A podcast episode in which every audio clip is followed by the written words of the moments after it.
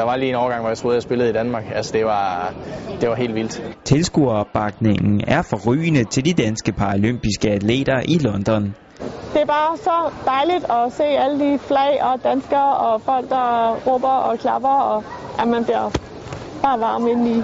Og da der søndag var medaljer på spil for dressurrytter Annika Lykke Dalskov og bordtennisspiller Peter Rosenmeier, var publikum med til at råbe to gange dansk bronze i hus. Jamen, jeg er bare så glad og lettet og stolt, og puh, det var sådan en kæmpe forløsning lige nu her, synes jeg. Jeg har bare... Ja, jeg er bare glad, glad, glad.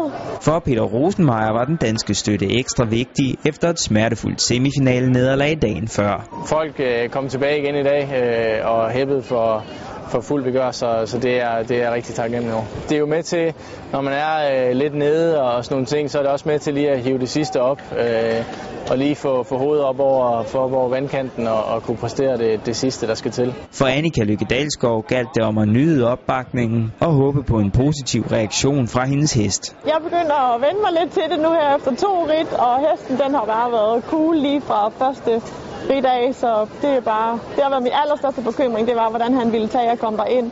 Fordi der er, noget, altså der er noget helt andet at skulle træne inde på banen, og så lige pludselig skulle ride derinde, øh, når det virkelig for alvor gælder, og når der sidder så mange mennesker, men han er bare den sejeste.